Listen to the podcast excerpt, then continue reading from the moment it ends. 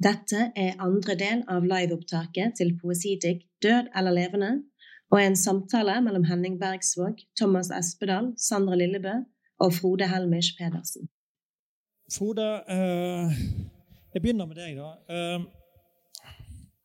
du sier at eh, modernismen er nærmest et problem fordi den hindrer poesien å befinne seg i de tusen hjem hjemme hos folk flest.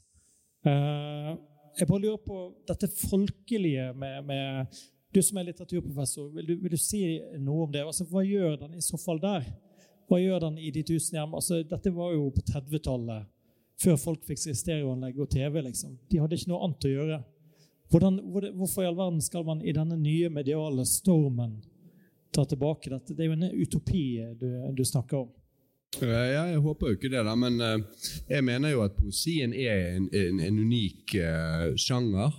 Og ikke egentlig kan erstattes av sanglyrikk. Jeg har aldri vært opptatt av sanglyrikk, i motsetning til visse folk. Jeg er helt uinteressert i sanglyrikk som forsker, f.eks. For kan jeg bare skyte inn at ja. de aller fleste begravelser jeg har vært på i det siste, så sitter man på en låt av Dire Straits. Og så sitter alle og hører på. Så hvilke, hvilken låt snakker vi om? nå? Uh, det kan ofte være uh, denne 'Brothers in Our Arms'. Ja, ja. Litt sånt. Ja. Så det jo, går an. Men, ja, men så, så, poenget er at det viser jo det at du har det der uh, lyriske behovet da, som jeg mener sanglyrikken har i og for seg da ivaretatt. Og, og som muligens instapoesien ivaretar på en eller annen slags måte. Jeg mener jo at når både du og hvem det nå var som snakket om uh, behovet for eksperiment Du snakket om det. Det, det at du, du, mangler det der eksperimenterende. Det er det egentlig som er problemet. Uh, ja vel, men altså den der uh, modernismen på tomgang som jeg så Jeg satt i sånn lyrikkutvalg for Kulturrådet, innkjøpsordningen for Kulturrådet i bare Vara da, i åtte år eller noe sånt. Så jeg fikk alt Absolutt alt som ble skrevet. Hvilke åtte år? Ja, eh, la oss si fra 20, 2004 til 12, et eller annet sånt. Ja, noe sånt. Ja. Og, og det, det, jeg ser, er, en sånn slags At folk har lært seg en, en slags eh, modernisme light. Lett kryptisk. Eh, vanskelig å få noe ut av, men også, altså, også litt sånn uangripelig. Vanskelig å si at det er dårlig, men det er heller ikke spesielt slående.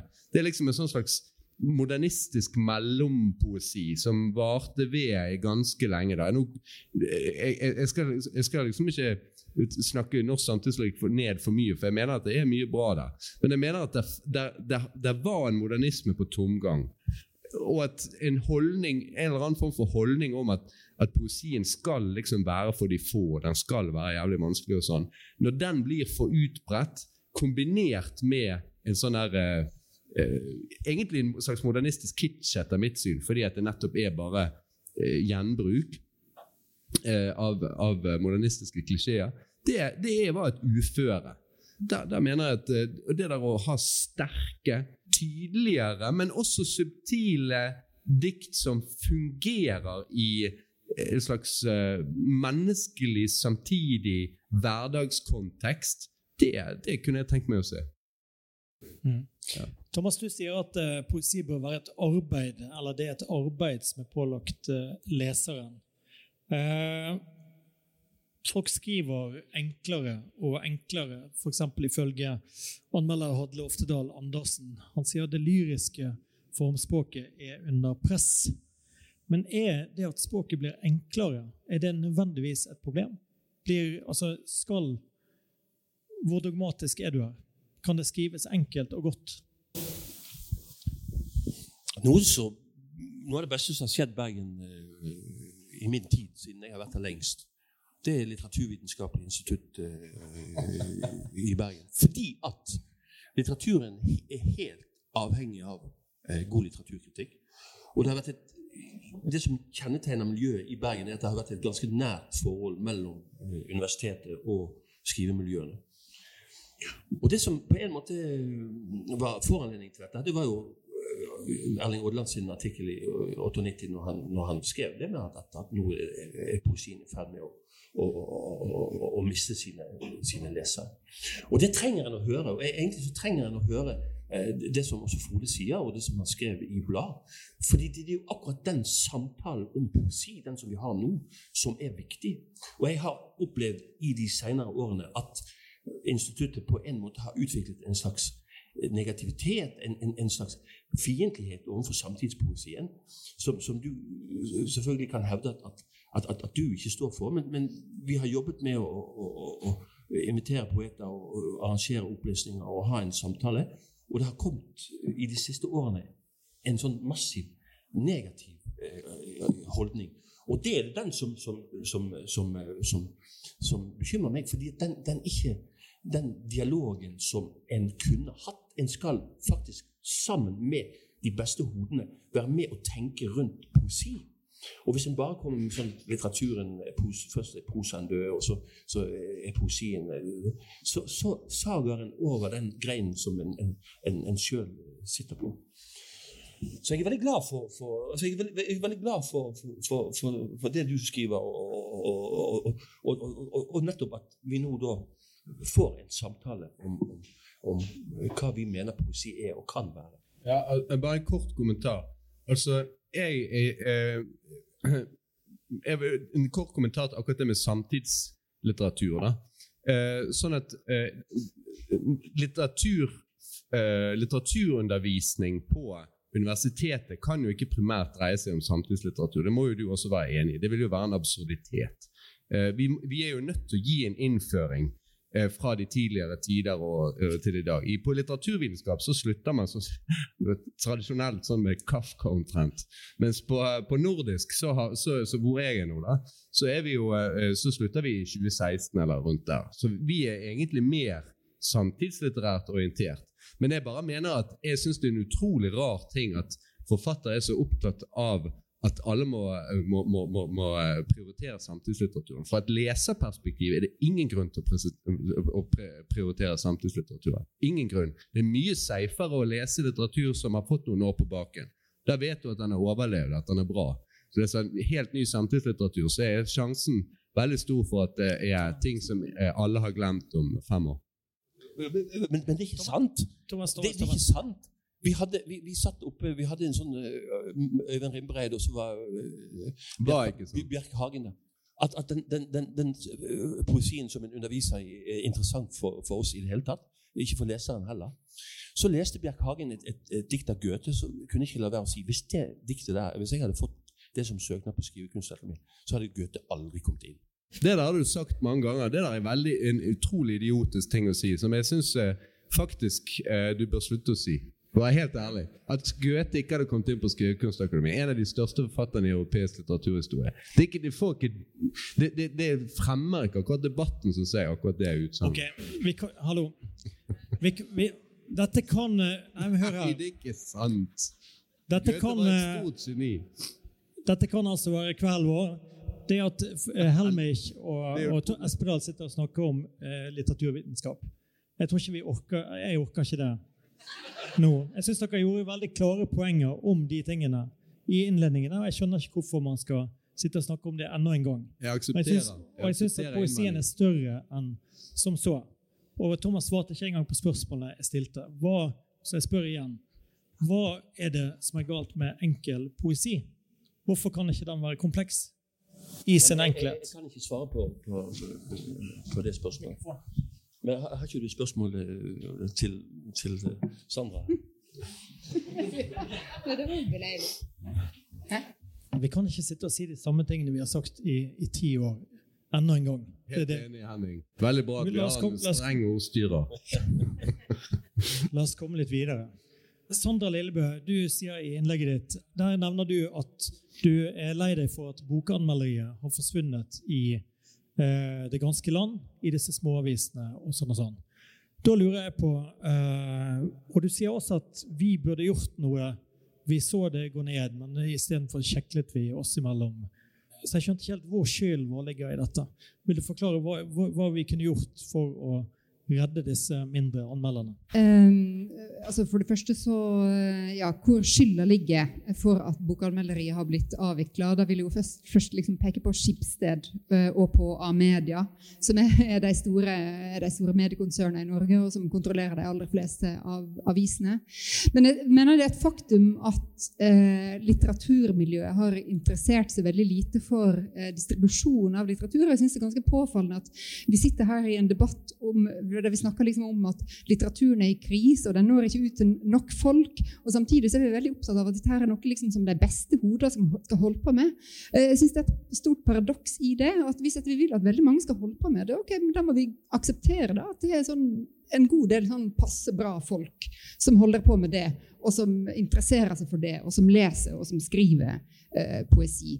Um, og mener jo at, at uh, altså På 70-tallet Lars Øby Christensen debuterte vel med en diktsamling i hvis jeg ikke husker feil, i, i 72 eller noe sånt. Han fikk 35 eller 40 anmeldelser.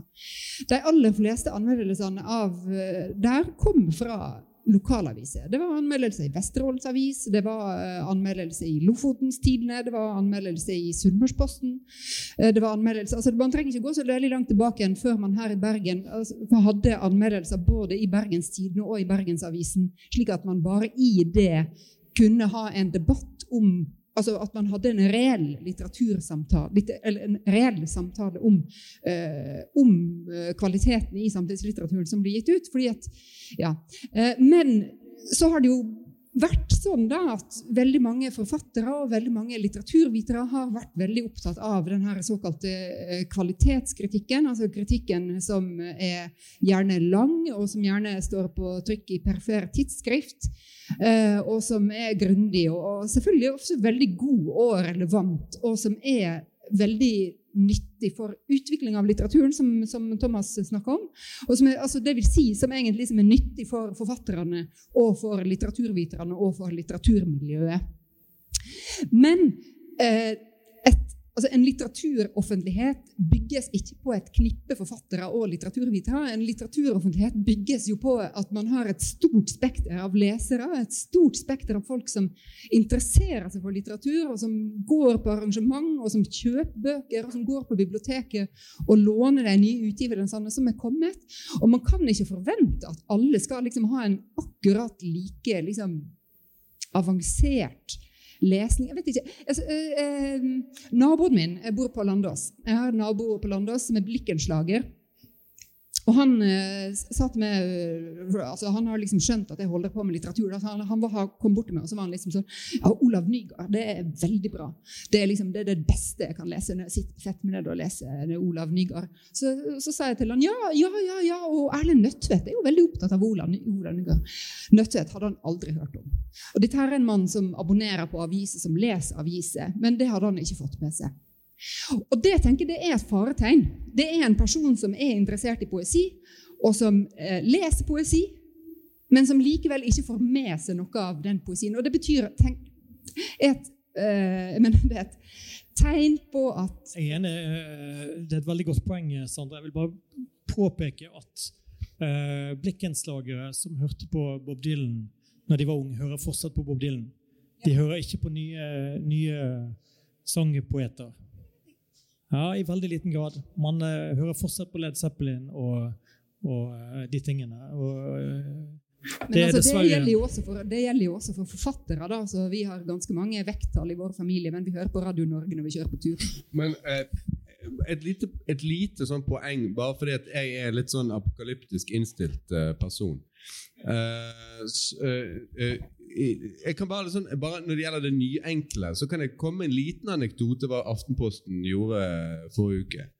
Uh, Aftenposten sendte ut til alle sine skribenter, inkludert alle litteraturkritikere, en, et program, uh, link til et program som heter Lix, hvor alle skal kjøre gjennom sine anmeldelser for å teste uh, gjennom den algoritmen da, om de er leservennlige nok og enkle nok. da, og eh, Da får du en sånn score. Og Hvis den scoren er over 50, så kan du drite i å få det på trykk. Sånn at du må Du skal helst ned på 40% på LIX, som er egentlig en algoritme, som skal bestemme da hva folk egentlig tåler å lese av litteraturkritikk i Aftenposten. Eh, altså Jeg bare sier det er, det er endetidstegn her. Kan jeg bare få skyte inn der at de, disse her, denne her algoritmestyringa det er jo ikke noe som kommer fra leserne. Altså, Nei, eh, nei, det, det, det, det er fullstendig klar over. Det, det kommer jo fra toppen i mediekonsernet. ikke sant? ja. Eh, og det de mediekonsernene helt ser bort ifra når de eh, bruker lener seg på disse her leserundersøkelsene for å forandre hva som skal stå i avisene deres, og hva som skal bli løfta opp, osv., det er jo at lesere veldig ofte uh, ikke vet hva de er interessert i. ikke sant? Mm. Altså at man, man åpner en avis, altså man kjøper kanskje en avis fordi at man er interessert i det som står på forsida, men så vil man også ende med å lese en god del andre ting også. Og man vil ikke nødvendigvis svare i en leserundersøkelse at jeg er veldig interessert i disse her spreksidene til BT, men jeg leser det likevel. Ja. um, Thomas, du har sagt uh, Skal vi se altså, Den nye poesien kunne være politisk, aktivistisk, eksperimenterende, bevissthetsutvidende. Og vi trenger alltid et nytt språk for en ny tid. Uh, og du mener det at det tenkes for dårlig rundt uh, norsk poesi, og det tenkes for dårlig i norsk poesi.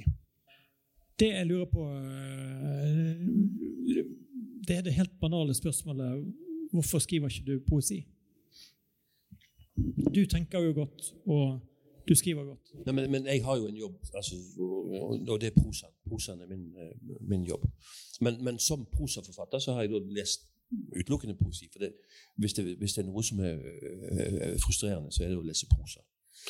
Sånn at, at Hvis en f.eks. er opptatt av språk Og språk er faktisk noe som alle folk har et forhold til. Og som regel hvis de blir tvunget til det. Ikke hvis en gir det folk vil ha.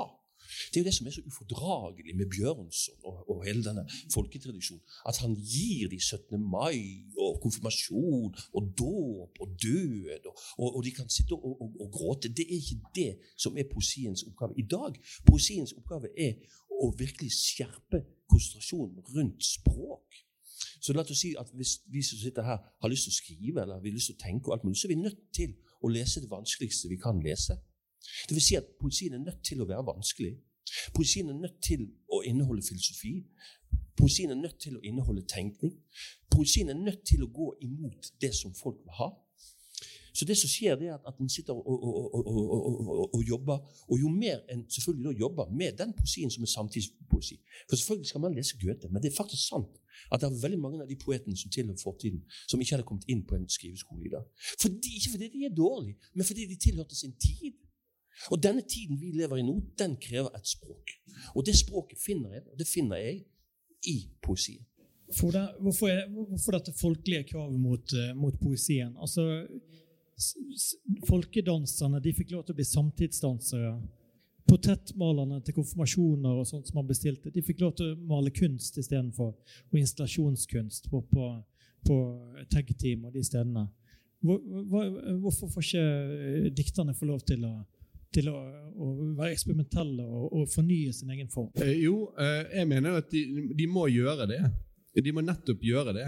Og eh, jeg mener jo da nettopp at modernismen var preget av en del eh, dogmer om negativitet, om det å flykte fra følelser snarere enn å omfavne følelser osv. Man skulle dyrke ren eh, hva skal man si, ren kompleksitet fremfor fyndige formuleringer som alle kunne kjenne seg igjen i osv. En haug med dogmer.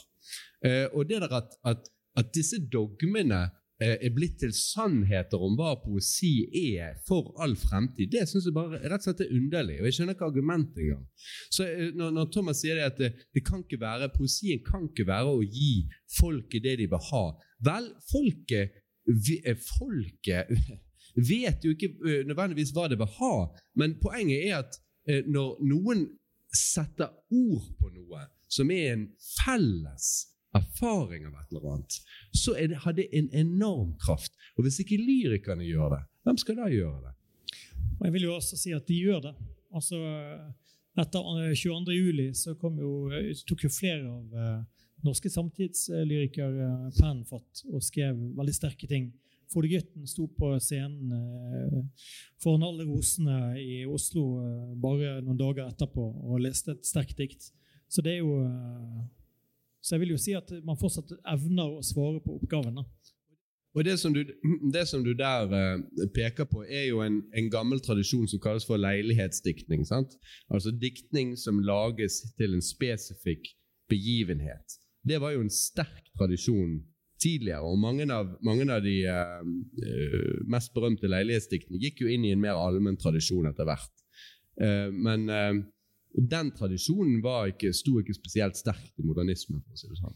Eh, Frode, eh, nå leste du sist en diktsamling fra vår tid som du likte veldig godt? Eh, og hva het den? Eh,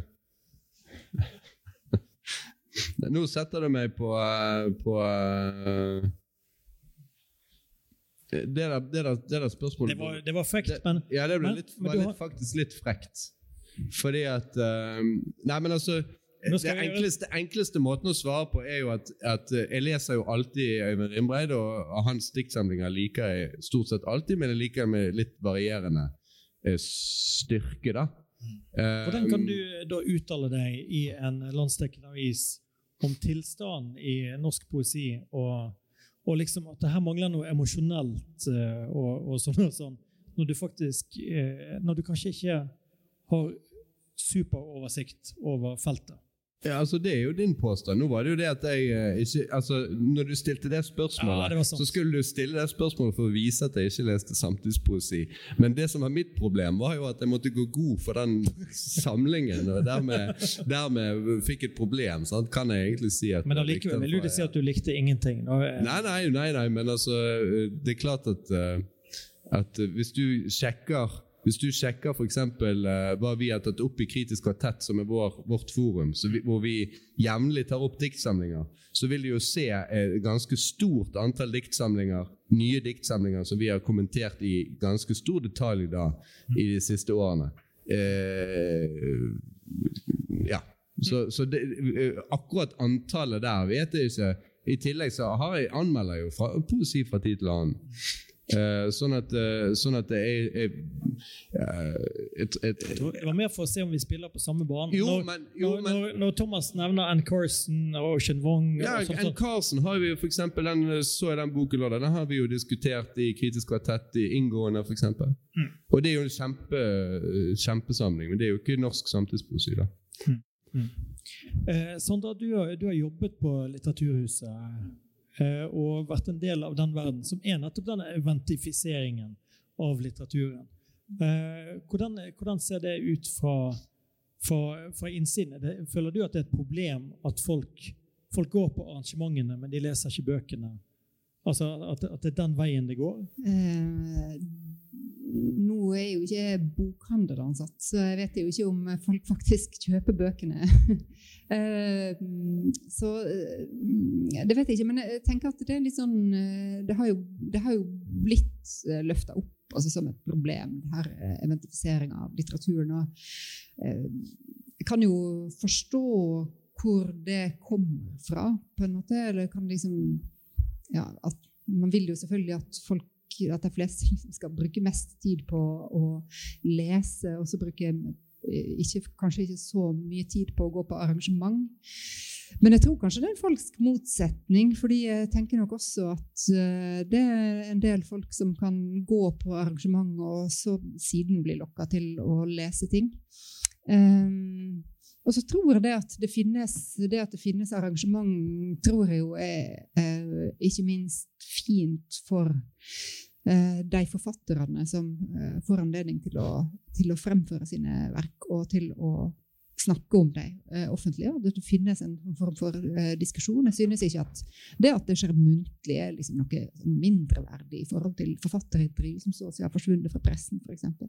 Det synes jeg ikke. Hva syns du, Thomas? Altså det at folk går og hører poesien. uh, kan, vi kan f.eks. ha et arrangement her. Det er fullt hus. Folk hører på poeten. Uh, men det er solgt, solgt eh, null bøker på boksalongen, og ingen har lånt det på biblioteket i ettertid. Men de har hørt en svensk poet stå i 15 minutter og lese. Er det nok? Eller trenger vi det skriftlige uttrykket? Kan vi bare avblåse hele, hele boken? Og så kan poetene sirkulere rundt og, og lese høyt. Det, det, er jo boken som interesserer meg. altså sånn Bokens muligheter. Sånn, det, det, er jo det, det, er også nå som i, i, den tiden vi lever i. Hva er en bok, og hva er bokens uh, muligheter? Og som regel når du ser romanskrivingen, så er bøkene skrevet mer eller mindre etter samme formen. Men poesibøkene forandrer seg. Formatet forandrer seg. Tykkelsene, volumene forandrer seg. Uh, oppsettet av tekst forandrer seg. Og så er det denne tingen at det vi sitter her og, og, og diskuterer nå, det er en veldig veldig norsk uh, debatt. Og jeg fikk et innlegg på tråden min eh, på Facebook som sier at dette kunne aldri skjedd i Danmark. Fordi at, at nå er dansk lyrikk igjen i et sånt energihøydepunkt. Og, og der, der, er så uh, Asta Olivia, Olga Ravn og uh, Jonas ja, og Yahya Hassan og, og, Chemnitz.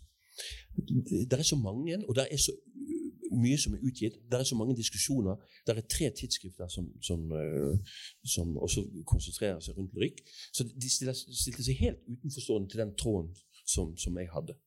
Så det, det, det, er sånn, det, er sånn, helt sånn det, er vår egen skyld. For det første at nivået på poesien er såpass lavt. To, at ikke det er fellesskap og felles tenkning rundt poesiens muligheter. Bokens muligheter. At ikke det er eksperimentering. En norsk diktsamling eh, er som regel 80 sider og, og består av enkeltdikt. Og, og, og de, de, ser nesten like ut, alle sammen. Hvor, hvor forsvant det mulighetsområdet innen, innen bokpoesien?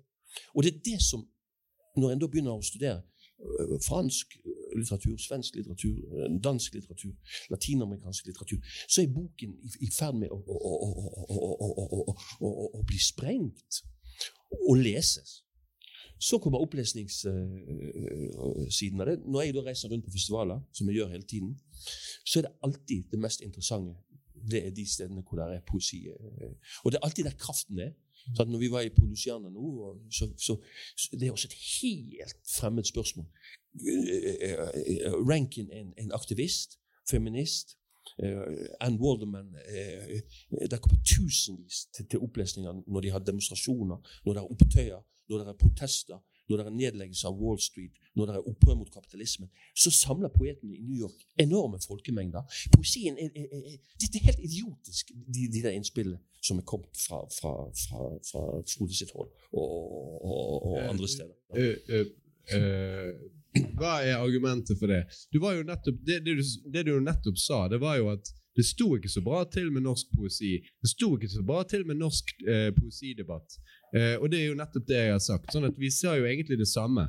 Så poenget er at eh, Og så henviser du til at det står bedre til i andre land, og det jo, kan jo være ja, bra. Du, du skrev men, poesien. Du men, skrev ikke norsk poesi. Jo, jeg skrev poesikritikken, snakket, snakket jeg om. Men poenget var at eh, det er et veldig interessant poeng. Hvorfor finnes det ikke et poesitidsskrift i Norge? I, som er i den tradisjonen til disse hvetekorn videre i, i, i uh, Danmark. Eh, eh, spørsmålet er det kritikerne sin feil, er det poetene sin feil, er det forlagene sin feil? Men faktum er at det, det, vi hadde et sånt tidsskrift eh, Hva var det nå det het, som Værnes og co. lagde? Louis. Louis, ja. ja Louis. Ja. Det kom i tre numre eller fire numre. Det var iallfall veldig kort. To, to tror jeg faktisk. Ja. Veldig, veldig veldig kortvarig. Eh, sånn at det, og det hadde jo vært et, Jeg er jo helt enig med deg. Det hadde jo vært et kjempe og Det å ha en sånn arena hvor folk kunne også til og med da debutere der, nye talenter osv. De kunne skrive litt om poesi, men, men mer for, poeter. For eksempel Vinduet og Vagant. som Nei, styrte. Ja, ja, men poenget er at vi, vi er jo kritikere. sant? Mens dette ville jo vært det, du, etter disse her ville jo vært et, et tidsskrift laget av og for poeter mer eh, som ikke vi kan lage. Så det må jo dere lage, hadde jeg nær sagt. Sånn at, eh, eh og det fins jo det, Faktisk så Akademikerne lagde jo opprettet jo et nytt tidsskritt for poesi og poesi litteraturvitenskap. Så det fins jo.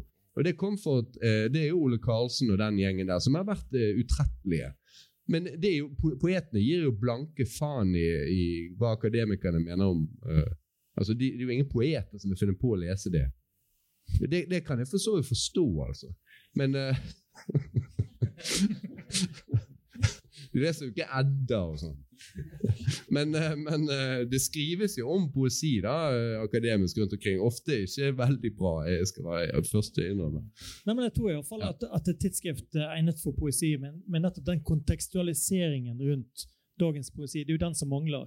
Den type samtale vi har her i dag, den fins jo ikke. Det, det overblikket der man prøver å se hva er tendensen disse årene og sånn, den, den er jo nesten fraværende i Ja. eh, også ukesavisene og, og, og, og andre steder. Det er kanskje gjennomgangen av poesiåret på Litteraturhuset som faktisk er det nærmeste eh, man kommer den samtalen, eh, ja, der man tar overblikket. Eh, jeg vil bare påpeke at fra den svenske siden, som jeg kjenner best, så har man en opprivende debatt eh, for to år siden. Eh, en lignende greie der, man, eh, der eh, det er en kjent anmelder som tar for seg fire diktsamlinger i en samleanmeldelse. anmeldelse og så sier han at jo, dette er vel og bra, alle fire, men det er jo helt likt. Det er jo, alle driver jo med denne modernismen på tomgang. På Mm. Dette ligner jo helt hverandre. Men når jeg leser de fire bøkene, noe jeg har gjort, så ser jo jeg helt utrolig spesielle uttrykk som jeg aldri ville funnet på norsk. rett og slett. Det, det, det er rett og slett eh, det det er er eksperimentering på en sånn måte at det, det ville ikke kunne blitt gitt ut i en norsk sammenheng. Så, så der er på en måte det, det fremmede på en måte, det, det er all over the place. Så det jeg tenker at vi kunne sende bare La oss sende en delegasjon på ti sånne nære følelsespoeter til Sverige. For det mangler de der. For kritikerne står og sier at dette mangler vi. Så kan de sende over disse de som eksperimenterer til oss. Det er en god deal. Jeg har ikke etterlyst eksperimenterende. Det, du, må- du må, du må, du må, du må ja. Nei, jeg ville bare skyte inn at, at uh, jeg syns det er interessant det at du etterlyser en sånn større, en sånn overgripende poesidebatt. fordi det illustrerer jo på en måte poenget mitt. At hvis etter noen skal skrive en eller annen oppsummerende artikkel i avis, så må det ha vært en samtale der på forhånd. Mm. Uh, og der er ingen samtale om norske bøker. Det er kanskje fire eller fem bøker i året som det kommer ut, som det er tilstrekkelig med anmeldelse av til at man kan snakke om en genuin litterær samtale. Slik at når det kommer sånne Det kommer jo i sånne drypp. ikke sant? At uh, I Morgenbladet så er det noen som skriver en uh, F.eks. som Karina har gjort ved enkelte Karina Bedari har skrevet enkelte anledninger. og Så leser hun fem-seks uh, diktsamlinger, og så skriver hun noe om tendenser. Men da må hun bruke veldig mye tid på å presentere dem og på å forklare dem, fordi det er ingen som har hørt om dem fra før. Slik at Hvis dette, slike artikler skal ha en effekt, så må det på en måte finnes eh, en viss offentlighet om dem fra før da, og der er det min kjepphest gjennom eh, lokalavisene og de middels gode kritikerne som eh, vi må hegne om. Eh, vi begynner å runde av. Ja, men det, det var en ting jeg ville si, og, og, og det må være tillatt å si at, at det føles som en sånn backlash eh, å sitte og lese ny poesi, norsk poesi i dag. For vi som har jobbet med det i noen år, så hadde en sånn enorm glede av at det ble dannet nettverk, og at poesien gikk på kryss. Eh, Noen ble, norske poeter ble oversatt til dansk, og, og, og det var et, et nettverk av, av, av, av- poesilesning som føltes som om det hadde kraft. Det var i ferd med å forandre noen ting, også politisk, faktisk.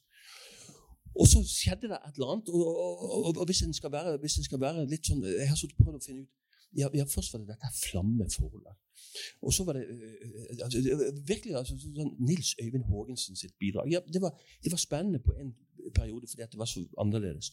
Og så var det Bendik Wold.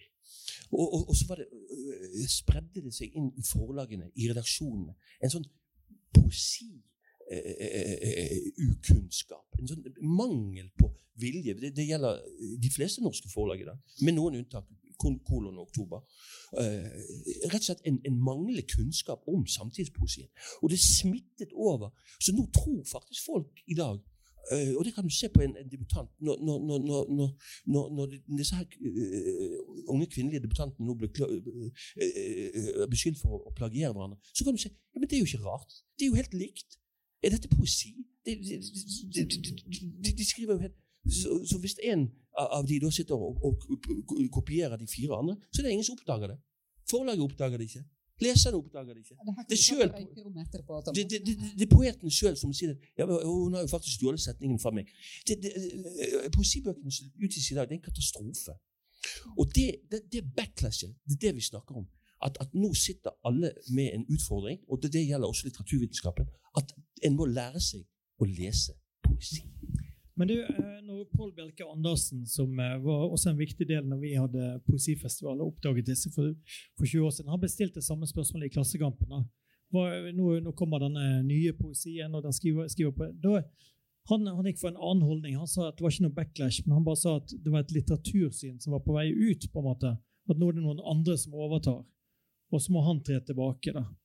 Men, men du tenker ikke sånn? At du tenker at, at, en, altså at, at selve litteraturen går tilbake når den språkopptatte poesien forsvinner? Er ikke, ikke akkurat øh, sånn formulert, men av de grunner som, som, som Sander har anført med forlagene, og, og det at det mangler tidsskrifter, og det at, at universitetet også svikter i, i forhold til samtidspoesien. Alle disse faktorene er med på, og at de kommer inn i forlagene, og at de får sitte i redaksjonen i vinduet, og til og med i Vagant, så ser du at det, det, det er et stort, stort, stort brist i det feltet som kunne ha gjort at norsk poesi var Eh, Jeg bare kommenterer det er, jo, det er jo ofte når jeg hører på Thomas at jeg skjønner at det, det finnes jo ingen verre kritikere enn eh, når forfatterne først liksom eh, setter i gang. Da er det liksom ingen nåde for noen ting. Men eh, av, av eh, disse unge kvinnelige debutantene og altså nyere og lyriske stemmer i norsk offentlighet, så vil jeg trekke frem eh, Anne Helene Guddal. Eh, og jeg må si at hennes debutsamling særlig eh, slo meg som eh, veldig sterk, eh, og som også var preget av en form for sang. Jeg følte virkelig eh, en, en sang i den poesien som, eh, som var sjelden, og som er egentlig et slags svar på en del av de tingene jeg snakker om. Så det fins. Og av eh, Pål Bjelke Andersen. Så jeg syns at det er påfallende at man føler liksom at man skal presisere at dette her for det meste gjelder unge kvinner. Så, så Det var, fordi, det var et sitat av Thomas. da. Jeg vil bare påpeke at eh, det å bruke unge kvinner i dette tilfellet blir litt feil. For det er like mange unge menn som debuterer. Og, og Nei, det dukket opp som ett eksempel. Det, det gjelder ikke unge kvinner. Det dukket opp som ett eksempel at det var fire diktsamlinger Ja. som totalt var umulig å skille fra hverandre. Ja. Og, og, Ja. Men også, Ja. Kanskje Sofia, vi må være Sorry, det er opptak. Ja. ja. Løp opp til mikrofonen. Ja, ja, ja. Det er opptak til Sofie Marhaug Jeg blir litt altså, ja. Men jeg blir litt provosert på vegne av f.eks. Eli Forsdal Våge, da, som ble plagiert. Hun kjente jo igjen at hun ble plagiert. Og det er det forlagene som har gjort en slett jobb. Eh, Eli Forsdal Våge er en fantastisk poet, eh, syns jeg. Eh, og, og, og, og jeg på en måte vil ikke si at hun bare skriver poesi som helt lik andre, men hun skriver så god poesi at noen andre ønsker å plagiere henne, og oversette det til bokmål til og med. Det er jo forferdelig. Jeg må jo presisere at jeg ble, var også en av de unge kvinnelige forfatterne som ble plagiert. Så, men eh, altså, om det er et- slags kvalitetsstempel i den ene eller andre veien, det, det vet jeg ikke. men det skal Det er et mørkt spor å gå inn i hvis vi skal begynne med det. Ja. Eh, Men eh, jeg har lyst til å spørre, utfordre alle tre til slutt. eh, At alle blir utfordret på å gi navnet på en diktsamling som de vil at folk skal lese, som på en måte er noe som man vil anbefale fra moderne poesi. En god, eh, en god samling som et lesetips hvis man vil få ny tro på, på norsk ny poesi. Ja, nå, er- nå, er jo det, eh, nå var jo et av mine poenger at det er få som husker eh, eh, eh, navnet på samlinga. Men den, eh, hva var den het, den første til Anne Helene? Så det uforsonlige finnes. Også det uforsonlige finnes vil være et tips fra min side til en, eh, en innføring Eller en, en leseropplevelse som gir noe nytt på én måte, iallfall i norsk samtidspoesi, og- men også som er tradisjonsforankret. Men, og sang, rett og slett. Sandra? tar opp tråden fra Sofie og anbefaler Estaloni av Eli Forsdal Våge. Estaloni av, eh, av Eli der. Thomas, en bok eh, av norsk, norske etter ættede Nei, men, men, men, men når, når bokformen blir utfordret, eh, så blir jeg eh, eh, ekstra konsentrert. Og, Ingrid Storholmen er vel den, den lyrikeren jeg liker av vår samtidslykker. Og samtidig med Åsprung, den, den, et diktet barn som nå plutselig er på, på 400 og, nærmere 500 sider. Så det er, vel, det, er vel, det er vel den poesien som utfordrer poesien. Ja. Og, det, og, og det er faktisk skrevet av kvinner. Så det var akkurat det der andre får vi ta på Jeg er ryggen. veldig glad for at alle fire som har nevnt, har vært gjester her på denne scenen de siste årene. Eh, Så da sier jeg takk for i kveld eh, til våre radiolyttere. Eh, Og det har vært eh, sterke innlegg og sånn og sånn, og så godt.